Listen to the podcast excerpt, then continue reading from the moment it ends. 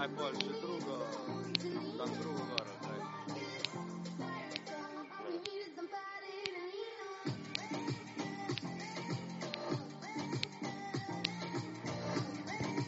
A to je tu? A ti enko izklopimo ali pustim nažgano?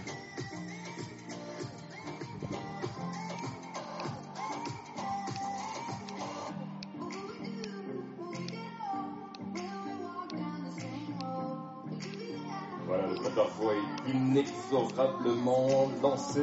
On s'achemine euh, tranquillement et progressivement vers l'heure de départ de cette première manche de la Lactalis Suisse World Cup.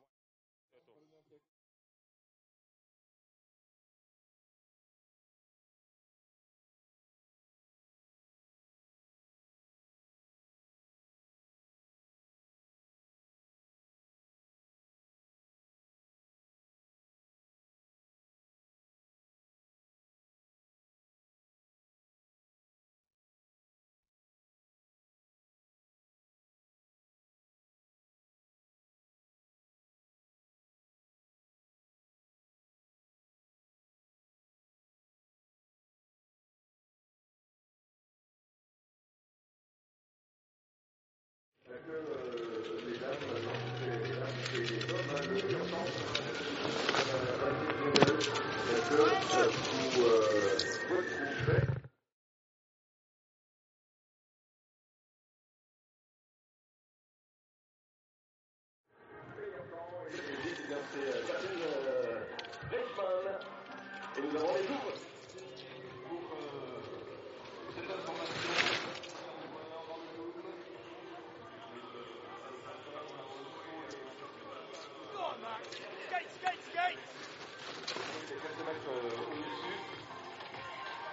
maintenant, la, partie. Et on va faire une petite euh, répétition euh, ensemble ici pour euh, accueillir l'ouvreur comme on, comme on accueillera les compétiteurs tout à l'heure. J'aimerais, s'il vous plaît, vous qui êtes dans la raquette d'arrivée, vous entendre applaudir très fort. On n'a pas peut-être la même notion euh, de notion de l'applaudissement très fort. Donc, euh, je rappelle qu'applaudir, c'est pour faire plaisir aux concurrents, c'est pas pour satisfaire l'ego du, du commentateur. Mais euh,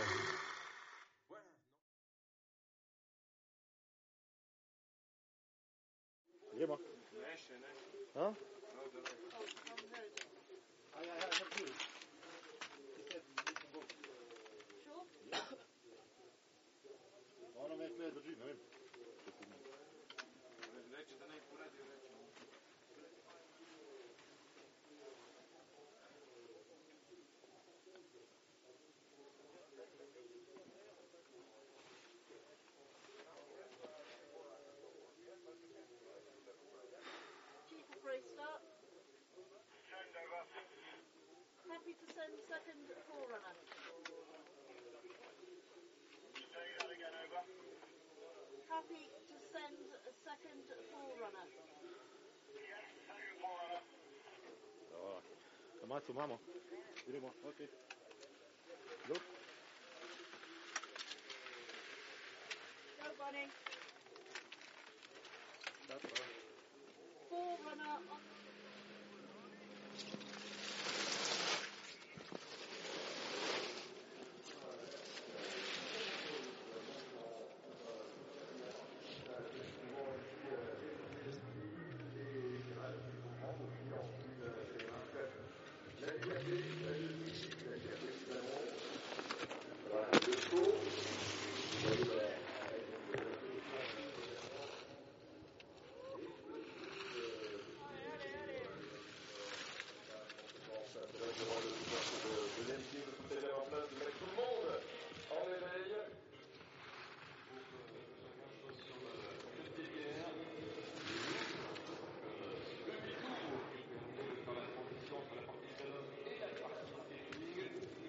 Bunny. Start, uh, Forerunner on pour, euh, pour pousser et pour patiner, pour euh, continuer à, à progresser. Donc, euh, troisième une épreuve euh, de télémarque.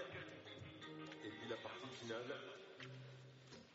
petit mélange euh, de skating et de slalom ici avec euh, cette euh, forte finale des applaudissements, s'il vous plaît. You can clap your hands for the skiers open runner. From Great Britain. Et puis justement, la, Grande-Bretagne, euh, la particularité de cette épreuve étant euh, d'être euh, sous l'égide, de la Great Britain Sports Snow et euh, comité Télémark donne ainsi, couvre ainsi au niveau institutionnel cette euh, première manche de la World Cup. 9h09 minutes, on se remet de la musique euh, dans les oreilles tranquillement. Puis on continue à, découvrir ici ces, euh, ces infrastructures et cette euh, piste grâce euh, aux images que vous avez euh, sous les yeux.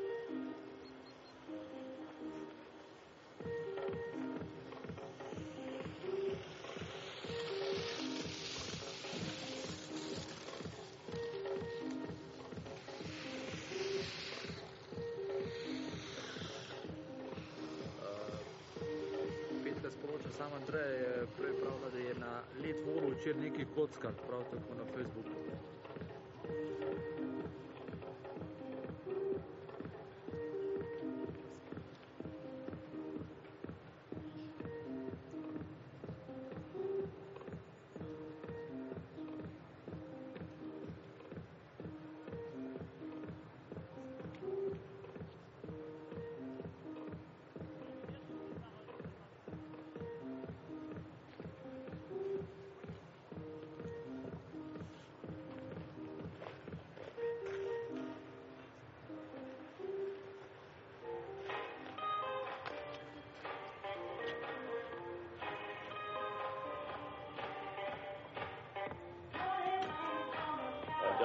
Tiens, on va profiter de ces quelques petites minutes euh, d'attente pour euh, déjà vous donner quelques informations en ce qui concerne votre station de Pavillon avec euh, une destination de légende depuis 1860, l'ascension de la, de la Grande plus de 150 ans d'histoire et de passion alpine avec euh, Pramodian, la Vanoise, capitale de la Vanoise avec euh, 70% de son territoire dans le parc. National de la Vanoise et vous allez pouvoir vivre le meilleur de la montagne à tout au de l'année, hiver comme été, si vous voulez toutes euh, les informations pour euh, savoir comment organiser vos loisirs. Bien, n'hésitez pas. À aller euh, du côté du côté de l'office de tourisme pour euh, toutes les précisions, que ce soit au niveau des activités euh, touristiques, des activités culturelles ou gastronomiques. euh, vous allez vivre à Pralognan en retrouvant les charmes d'un vrai village de montagne qui vit à l'année, 365 jours sur 365. Ce n'est pas une euh, station ouverte uniquement euh, sur les périodes, euh, périodes d'enneigement ou les périodes de, vacances. Et puis le plus aussi de cette Coupe du Monde, c'est le Prano News qui euh, vient d'arriver tout chaud, tout frais. Le numéro 3 de ce vendredi 24 janvier.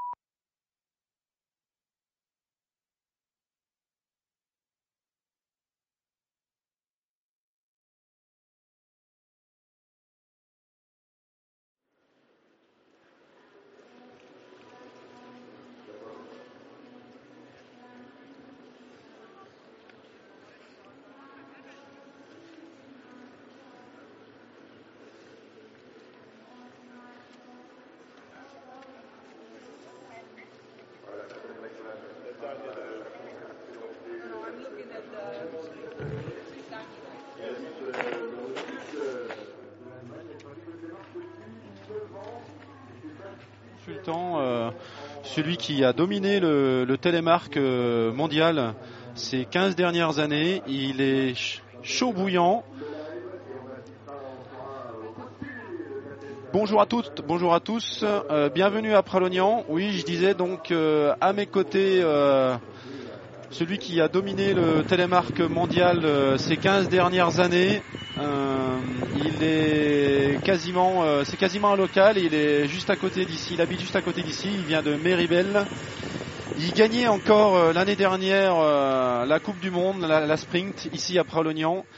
J'ai l'honneur d'avoir avec moi à mes côtés Phil Lowe. Bonjour Phil. Bonjour Comment ça va? tous, très bien. Donc euh, ce week-end euh, à Pralognan, euh, deux sprints hein, euh, au programme. Il y a un petit changement. Ah, ben, euh, traditionnellement, on faisait euh, la sprint et la classique. Et cette année, donc euh, deux courses pour le prix d'une. Donc euh, sprint aujourd'hui, sprint demain. Donc la piste, c'est toujours la même, c'est la magnifique piste de la Combe des Bieux, avec une petite modification, vous verrez pour ceux qui avaient l'habitude de, de regarder euh, les courses les années passées, modification au niveau du, tremplin, le tremplin qui a été réélevé un petit peu d'une vingtaine de mètres, ce qui fait que, on va le voir, hein, on va découvrir euh, ça lors de la première concurrente, Euh, le tremplin qui est en fait tout en haut du mur, à la fin du plat.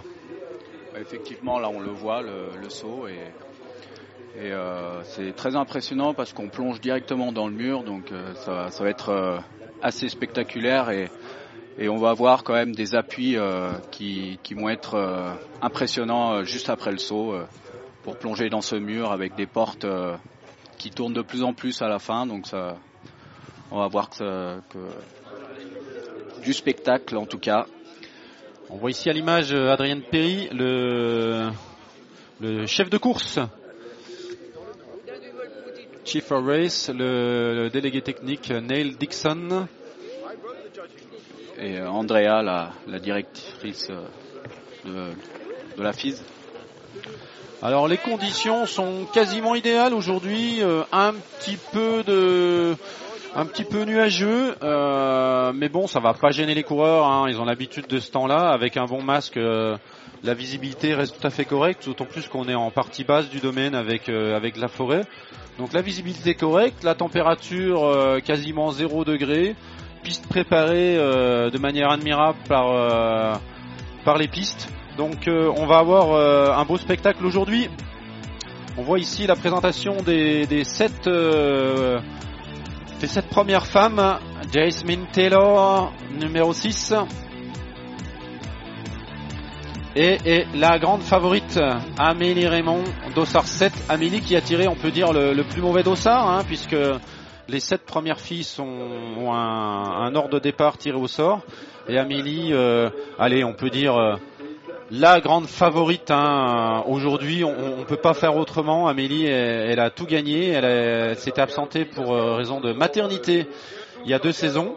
L'année dernière, elle est revenue et elle a gagné. euh, elle a tout gagné. Voilà, elle a gagné le classement général, euh, la sprint, la parallèle sprint et euh, la classique. Euh, Aujourd'hui, c'est la première Coupe du Monde, donc on n'a pas beaucoup de références, mais quand même, euh, ils ont fait deux FIS, les coureurs, une FIS aux Ouches et une FIS euh, à Villars, en Suisse. Et ben Amélie, euh, elle a gagné euh, ses deux premières courses, donc en toute logique, c'est la grande grande favorite d'aujourd'hui. Voilà, on a on a les Françaises qui sont à l'échauffement. Argeline Tambouquet. Après, euh, Phil, euh, qui c'est qu'on pourrait euh, placer dans le top 3 après Amélie? Bah, on a, on a Argeline en tout cas qui voilà qui, qui, qui est toujours présente. Elle a fait des bons résultats sur les années précédentes et, et voilà, elle, a, elle a de grandes chances de, de venir très proche d'Amélie et, et derrière on peut avoir Jasmine Taylor, l'anglaise, qui a fait euh, une très bonne saison euh, l'année passée. Et puis sur les premières courses, euh, elle a fini deuxième, juste derrière Amélie, donc il y a de grandes chances. Ouais, effectivement. Bon, Argeline, c'est notre petite chouchoute. Hein. On est un petit peu chauvin. On, aimerait bien la voir aux premières places aujourd'hui. Elle a gagné, il faut bien se rappeler qu'Argeline elle gagne sa première Coupe du Monde il y a deux ans ici à Pralognan, donc je pense que c'est un, une station qu'elle affectionne particulièrement. Après, elle n'est pas forcément toujours euh, régulière, euh, Argeline. Il va falloir qu'elle fasse une course pleine du début jusqu'à la fin. En tout cas, et, et là, hein, la possibilité physique et technique pour jouer les premiers rôles et venir titiller Amélie. Euh, moi, je mettrais en numéro 2, allez, euh, Johanna Holzmann, qui, euh, au vu de sa saison passée euh, et des premières courses de la saison, euh, on voit ici euh, les contrôleurs de porte. Oui, Johanna, au, au- vu des premières courses, euh, se place logiquement en deuxième position et, et, Argeline et Jasmine qui sont très proches également, qui, peuvent faire un, top 3. Allez, on va rentrer tout de suite dans le vif du sujet euh, avec la, première euh, concurrente qui est une Allemande, Catherine Reichmann au départ.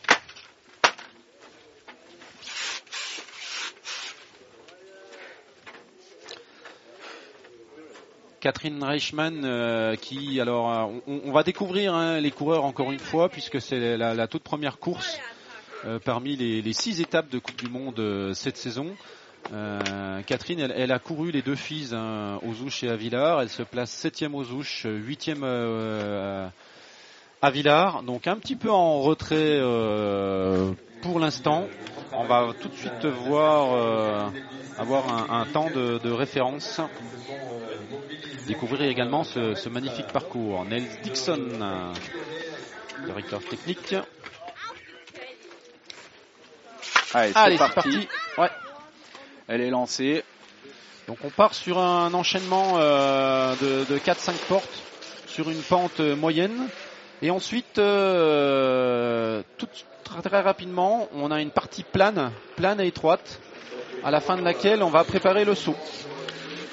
Voilà, on arrive dans le saut et là on plonge directement dans le mur. Alors je pense pas qu'elle ait fait la ligne, hein. on Ouais, va est- avoir les pénalités de, de, de ligne. Là, qu'elle est juste derrière. Là, c'est la partie raide du, du mur qui est entièrement euh, en géant puisque le saut a été euh, remonté. Et on aborde le loom. Alors on va essayer euh, avec Phil de vous donner les, les temps intermédiaires, temps intermédiaire du, du géant et temps intermédiaire du skate, puisqu'on les a pas à l'écran. Là on aborde euh, donc euh, sortie du loom la partie de skate. On remonte un petit peu à droite. Et ensuite, c'est une partie de skate qui est pas très difficile, pas très physique, mais quelques petits pas tournants, des oups. Là, on laisse aller, il faut laisser filer. Là, la glisse est évidemment Voilà. hyper importante. C'est vraiment la glisse et le gestuel. Ouais. Une 11-24 temps Voilà. de référence. On voit qu'elle a pris les, les 3 secondes de pénalité parce qu'elle n'a pas passé la ligne. Et ensuite, euh, et en plus, elle Et la pas- réception non Ouais, plus. Elle n'a pas réceptionné télémarque. hein. donc pour euh, ces ceux qui ne connaissent pas vraiment le télémarque, Voilà, là on voit très bien, hein, juste devant la ligne. Donc euh, elle est pénalisée. savoir qu'il faut, il y a une ligne après le saut, il faut passer derrière la ligne, sinon on est 3 secondes et il faut réceptionner en télémarque. Argeline Tan-Bouquet au départ. Allez, c'est parti. Allez Argeline, c'est notre chouchoute. On veut qu'évidemment qu'elle fasse une course, une belle course aujourd'hui. Elle en a les possibilités. Allez, c'est beau. Elle prend bien de l'angle, elle laisse glisser. Allez, faut arriver à emmagasiner de la vitesse quand même sur Bien ce plat. prendre- ouais. Prendre la vitesse pour avoir euh, la, la distance. Elle passe le Elle saut, passe le saut. mais je pense qu'elle réceptionne pas Ouais, télémarque. Mais elle passe la ligne, ça fait donc 3 secondes euh, de pénalité euh, qu'elle ne prendra pas.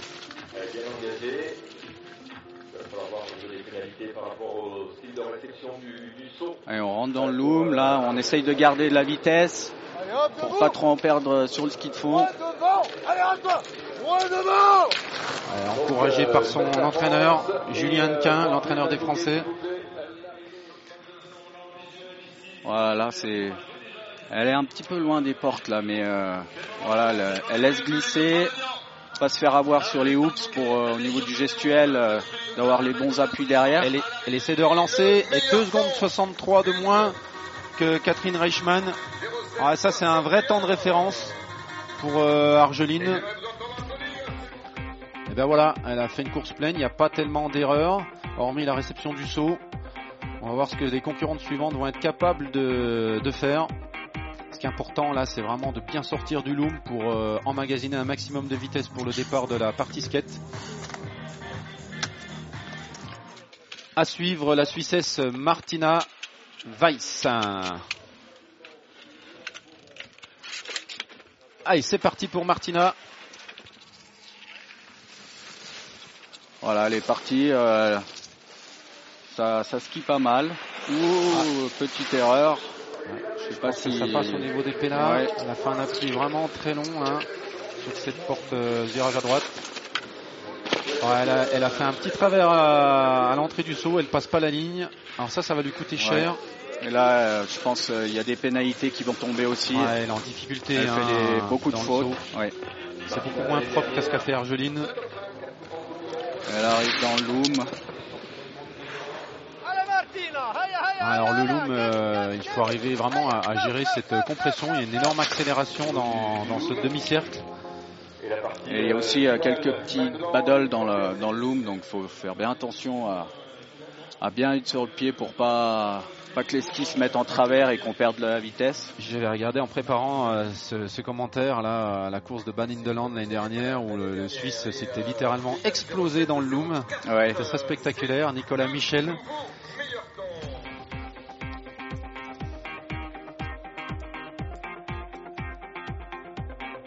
Voilà, là on voit le ralenti, euh, ça mérite euh, pour ma part une pénalité, mais on verra euh, ce que ça a donné au final.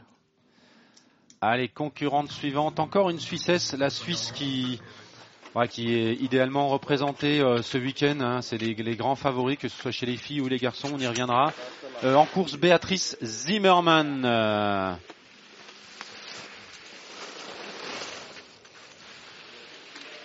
Béatrice, Et Béatrice, elle est toujours euh, bien placée ouais, sur les courses qui est très fluide, très et propre. propre, ouais.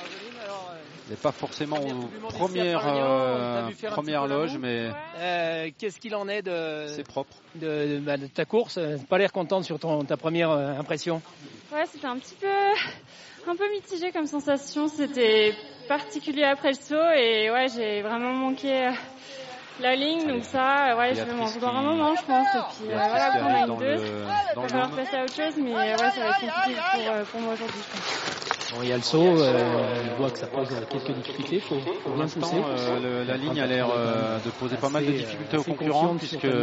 C'est vrai qu'en bas tu pioches un peu. Ouais, je pense que personne ne l'a. Donc euh, voilà, on va essayer de, de remettre les choses en ordre pour, Allez, là, euh, il faut pour la laisser deuxième glisser. manche et puis, puis tout envoyer. Bonne deuxième manche à toi, merci beaucoup. Et elle est derrière, Béatrice Zimmermann, deux dixièmes derrière. Ouais, on entendait Argeline là dans les commentaires qui était un peu déçue. C'est vrai que on pensait qu'elle avait la ligne. Et elle l'a pas eu. Alors sur une sprint, euh, un format court euh, comme celui-ci, si vous prenez 3 secondes de pénalité, ben évidemment ça coûte très très cher. Donc là, euh, les, les filles qui vont réussir à passer la ligne euh, vont vraiment faire une grosse grosse différence. Hein. Et là on arrive avec euh, l'allemande. Johanna Haussmann, euh, grande, grande euh, favorite euh, avec Amélie.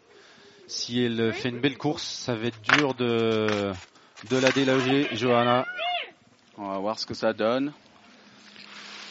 Johanna qui est polyvalente, hein, elle, skie bien en GS, elle euh, elle fait pas d'erreur, elle est très puissante euh, en skate. Pour l'instant, c'est bien parti. Ouais, ça tourne bien. Parce qu'elle avait un peu des soucis euh, les, les années précédentes, euh, justement au niveau des genoux. La ligne, aïe.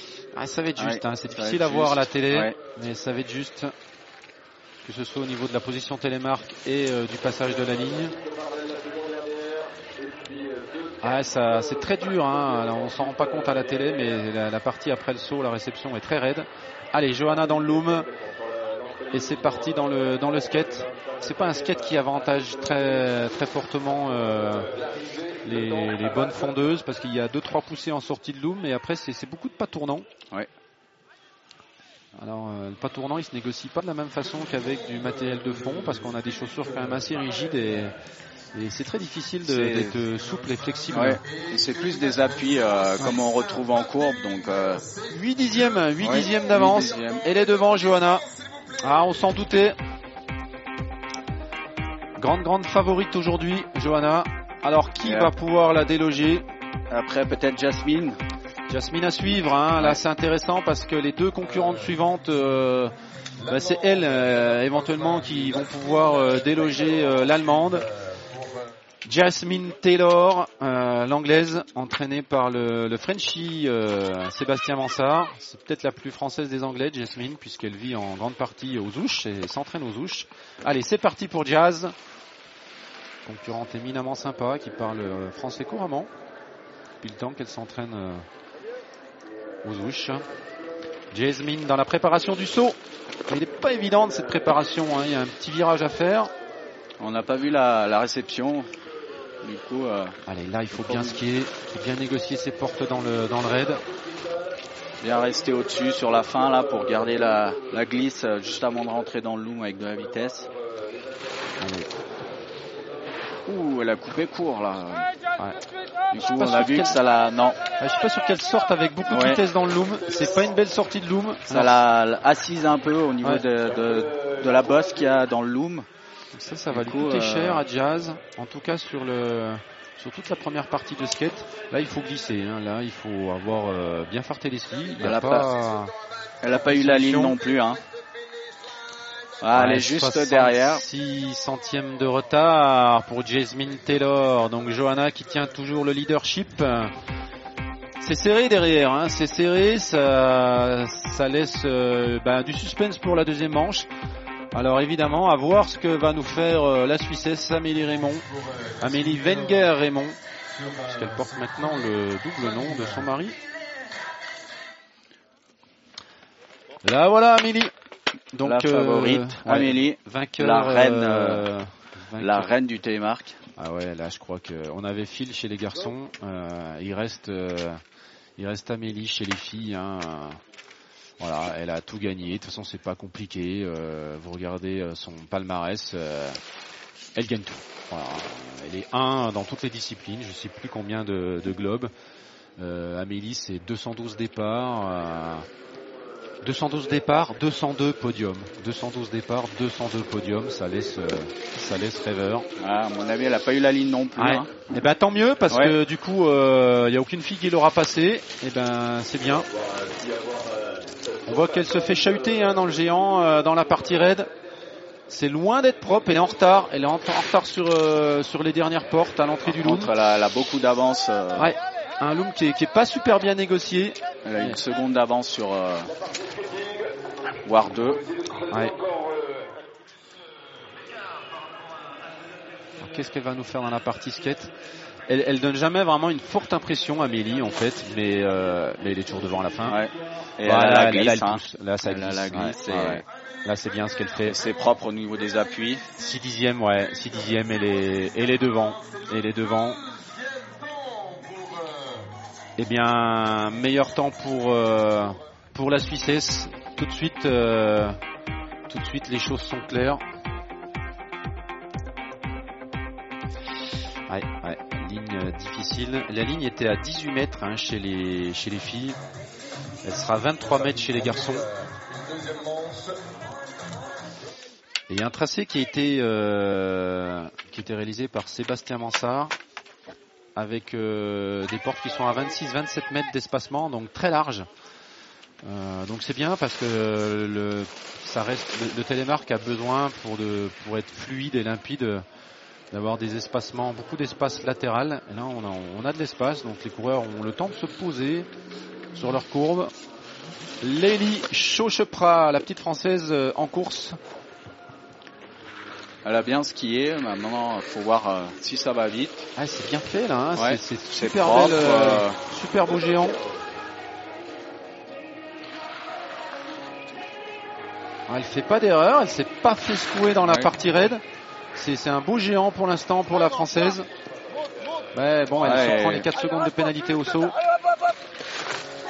Allez Lali Mais bon, pour l'instant, elle a qu'une seconde de retard. euh, elle est, euh, elle est pas loin non plus de, de, de d'Argel- d'Argeline. Du coup, euh, on va voir ce que ça donne dans le skate, mais Allez, on pousse, on pousse, on pousse. Lali. Voilà, C'est 3 le- secondes. euh, Ouais, septième temps. 4 secondes Quasiment même. 4 Ouais. secondes de, de la première. À suivre euh, Camille Bourbon, euh, les deux sœurs Bourbon. On aura Camille puis Julie. Camille, 17 ans seulement, hein, de Morillon. Donc entraîné par, euh, par Hannequin, l'entraîneur français.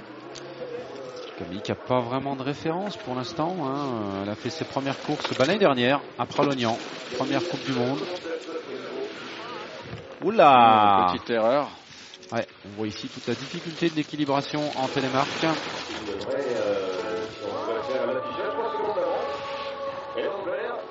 Camille qui va aborder le loom. Ouais. C'est quoi la. Enfin, le loom, c'est vraiment particulier. hein, Arriver à, à sortir du loom euh, rapide. C'est quoi la, la, la, la- la technique, Phil, euh, pour faire réaliser un bon loom? Bah, il faut, faut se dire qu'en fait, euh, le loom, c'est un mur. Et que euh, si on vient juste s'incliner, euh, on garde les skis à plat, donc on ne taille pas le loom. Il faut se dire que c'est une courbe, donc il faut en fait suranguler dans le loom pour justement être sur la carre et garder la vitesse. C'est une courbe, donc pour ressortir avec de la vitesse, il faut bien être sur l'appui. Ouais, c'est- et pas pour ça, il facile, hein, faut pas hésiter vraiment à- à pas hésiter à, incliner, ouais. voilà, à plonger vraiment euh, sur l'inter pour être sur la carre euh, justement dans le loom. Ouais, puis on est toujours, on, on sait jamais vraiment euh, quelle vitesse l'aborder. Trop vite, vous vous explosez littéralement euh, à l'intérieur. Euh, c'est c'est pas facile. Les transitions sont d'une importance capitale en télémarque et le loom en, en fait partie, conditionne souvent euh, toute la partie skate qui suit. Donc Julie, la petite sœur, euh, son aînée, hein, 18 ans, elle a débuté il y a deux saisons. Elle a débuté en 2017 à Intertux, mais bon, du coup, sa première saison, c'était la saison 2017-2018. Sa deuxième saison, du coup, en, Coupe du Monde pour euh, pour Julie. C'est vrai que ces premières courses, c'est toujours un peu difficile euh, de savoir où on se place. C'est c'est excitant un, peu pour tout le monde. Tout le monde a un petit peu la pression parce que on sait pas trop où on en est euh, au niveau du ski, si on est loin ou pas. Et c'est vrai que ces premières courses, elles sont un peu euh, au niveau de la pression, euh, c'est difficile à gérer. Ouais, alors c'est vrai qu'elles ont eu l'occasion de faire deux filles là, en début de saison, mais bon, toutes les concurrentes euh, n'étaient pas là. Alors plus chez les filles, hein, chez les filles il y avait plus de concurrence que chez les garçons. Enfin, euh, la Coupe du Monde reste la Coupe du Monde et avec la pression, c'est différent. Et là, c'est vraiment la, toute première sortie pour euh, pour ces filles. Iloné Ravanel euh, de Chamonix, de Servoz, plus exactement en course dans la partie skate. 19 ans. Alors là, on a, on a toute la, la jeune, euh, la jeune pousse française. Argeline euh, un peu l'aînée et derrière euh, plein de jeunes concurrentes qui doivent faire leurs armes, essayer de faire des points pour se placer ensuite sur les, les start lists dans de bonnes conditions. La norvégienne Kaya, il me semble. Les Norvégiens euh, un peu en retrait là ces dernières années, que ce soit chez les filles euh, et chez les garçons. Le, le- le grand favori euh, norvégien Trim Loken euh, qui s'est blessé, qui sera pas là, euh, qui sera pas là aujourd'hui, qui sera pas là cette saison. On a l'habitude de voir les Norvégiens aux avant-postes euh, en télémarque, bah c'est plus le cas. Les Français, et notamment euh, Phil Lowe, les, les a les a matés un peu et ils ont du mal un petit peu à avoir une génération euh, percutante. C'est vrai qu'il y, a- y y y seulement chez les hommes, il y avait euh, Trim, Le- Trim Loken qui, qui, qui fait des très bons résultats, mais malheureusement il s'est blessé au niveau de l'épaule et du coup euh, il sera pas là de la saison. Il a dû se faire opérer et du coup euh, c'est vrai que ça fait un bon concurrent en moins aussi. Ouais, c'est dommage, c'est dommage. Septième temps pour le- la Norvégienne, euh, juste derrière Argeline. Et en course, euh, Anne-Katharina Kessler, l'Allemande.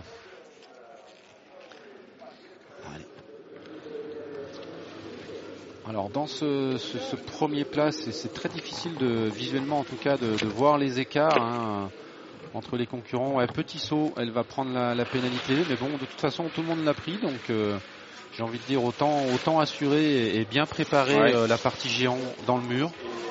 Stratégiquement, je pense que ça sert à rien maintenant de, de vouloir forcément passer Ouais. la ligne. Personne l'a eu donc euh, j'espère que l'info est passée euh, au niveau des, des pour les dernières filles, pour leur, leur montrer qu'il faut vraiment euh, être propre euh, pour le mur. Donc ça sert à rien de tout donner au saut et Ouais, parce que le dilemme. faire des euh, erreurs derrière. Donc, Le euh, dilemme, Phil, c'est si on envoie tout dans le saut, on passe la ligne évidemment, mais euh, ben, on s'expose pour euh, l'enchaînement du géant à la su- euh, Ouais. suivant. Et donc c'est toujours le dilemme, hein, euh, comment aborder ce saut, avec quelle vitesse, et puis comment comment pousser? Et là, comme personne n'a eu la ligne, c'est pour, pour ma part, je pense que c'est un, un gros risque à prendre euh, de vouloir à tout prix essayer de pr- de- d'avoir la ligne. Ouais, il faut, faut Mais sauter c'est un choix. et- Voilà, on voit qu'elles assurent tous là. hein. Ouais. Bien, bien rentrer dans ce mur, arriver tôt pour bien négocier ces 5-6 portes qui, à mon avis, sont les portes où on peut faire une, une grosse diff. Hein. Berit Junger qui arrive euh, maintenant dans le loom. Voilà, le loom qui, qui est propre, hein, on n'en doute pas, il était idéalement préparé. Ah, elle a du mal un petit peu, Berit, à Ouais. emmagasiner de la vitesse là sur la, la sortie du loom. Et je vois aussi elle a un petit peu du mal à passer les, les hoops. Parce que les hoops, ils sont là pour euh, mettre un petit peu en erreur, euh, rajouter des difficultés dans le- les pas tournants. Donc, euh, 14e temps, ouais, un petit peu, un petit peu loin des, des concurrentes précédentes. ah, là il y a Ouais. une chute. Ouais. La norvégienne euh, Qui a chuté, donc elle remonte, Andrea Fiska. elle remonte quand même pour euh, passer entre les deux portes et pouvoir euh, courir, participer à la deuxième manche. Voilà, ça lui fera ben, une manche d'entraînement. Donc là, elle va pas prendre de risque au saut. Allez, enchaîner les quelques portes dans la partie raide. On la sent pas très à l'aise. hein.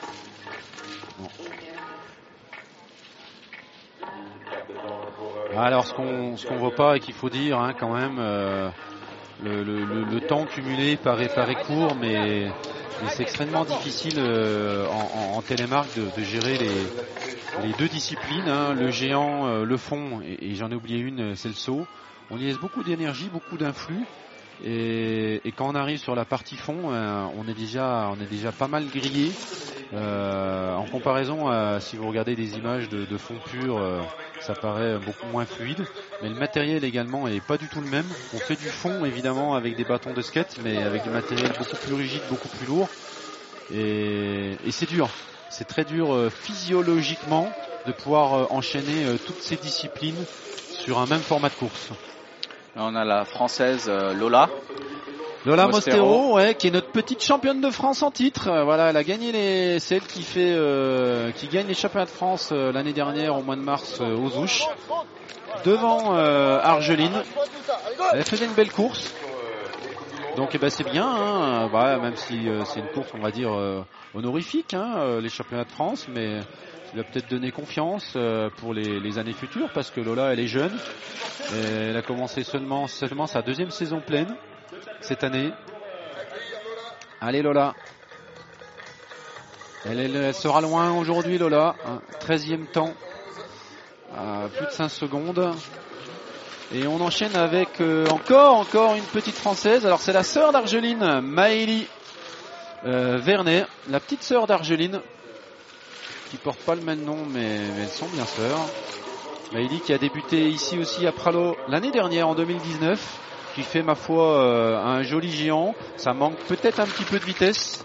Et C'est un peu propre. d'intensité, mais euh, c'est propre. Après, euh, Allez, Maëlie dans la sortie du loom. Il faut tout qu'elle donne cette fois-ci là sur ces. Il y a, il y a une vingtaine de poussées à faire avant d'aller chercher ce virage là tout en haut. Et après, ben, ça se passe au niveau de quasiment plus de 20 des bâtons. hein. C'est la glisse, du skate et de la glisse. Tout sur les jambes. Johanna Haussmann qui marche, euh, qui marche au Red Bull, alors évidemment. Elle peut être devant. 7 secondes de retard pour euh, la petite Miley. Allez, en course une Norvégienne. Phil, je te laisse euh, dire le nom parce que moi j'ai abandonné avec les Norvégiens. les Norvégiens, c'est Goril, Gorilstrom. Voilà, Goristrom Eriksen. La Norvège euh, dans le loom.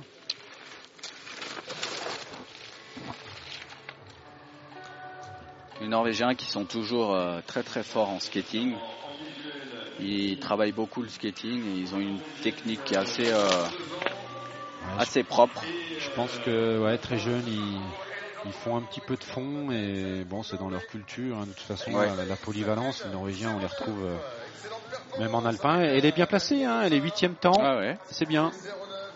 Je disais, même en alpin, on les retrouve euh, dans toutes, euh, dans toutes les disciplines.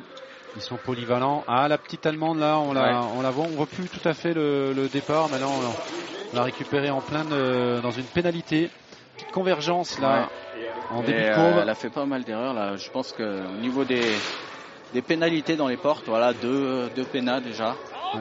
6 secondes de retard. Ouais, 6 secondes de pénalité au total avec le saut. Ça, ça va lui coûter cher à, Antonia Neller, l'allemande. Quatre, quatre pénats dans les portes. Ouais. Ça c'est voilà. Ça va être loin ça. Donc ça, c'est une grosse, grosse euh, problématique en télémarque. hein. Évidemment, il faut être vite. Il faut être vite, mais il faut être propre. Parce que, euh, imaginez, hein, en alpin, comme euh, une seconde peut être euh, rédhibitoire dans le classement général. Là, en télémarque, euh, vous pouvez prendre jusqu'à 4 secondes dans le saut. euh, et puis une seconde par porte. Et euh, donc, ça peut coûter très cher.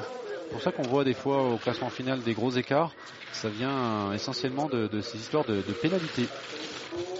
C'est ça aussi qui en fait le charme de la discipline. La Slovène. La Slovène Katarina Malensek. Malensek qui rentre dans le loom. Les Slovènes toujours, Voilà, euh, a- toujours présents. Pas sorti avec beaucoup de vitesse. euh, Du coup, Télémarque euh, on voit bien hein, quand on n'arrive pas à sortir avec de la vitesse, euh, derrière on perd encore du temps euh, au niveau du skating parce qu'on est obligé de pousser euh, deux fois plus que. Ouais, après vous ramez, vous perdez de l'énergie en plus. L'énergie que vous n'aurez pas sur les, les derniers mouvements avant la ligne d'arrivée. Petit coup d'œil d'ailleurs euh, à la production. Les images que vous voyez aujourd'hui sont, euh, sont réalisées à l'aide d'une production slovène TDO. Petit clin d'œil à Urban Smesic. En Et on a- course, euh, L'espagnol, la dernière. la dernière espagnole, dernière concurrente, euh, Ada, Ada. Montoliu. Ça fait plaisir hein, d'avoir des, des espagnols en course. Et qui me semble, euh, je crois qu'ils s'entraînent en Andorre. Ils sont un peu euh, ensemble avec l'Andorre. Ouais, bah, ils ont raison, hein, ils mutualisent euh, les, les- les forces.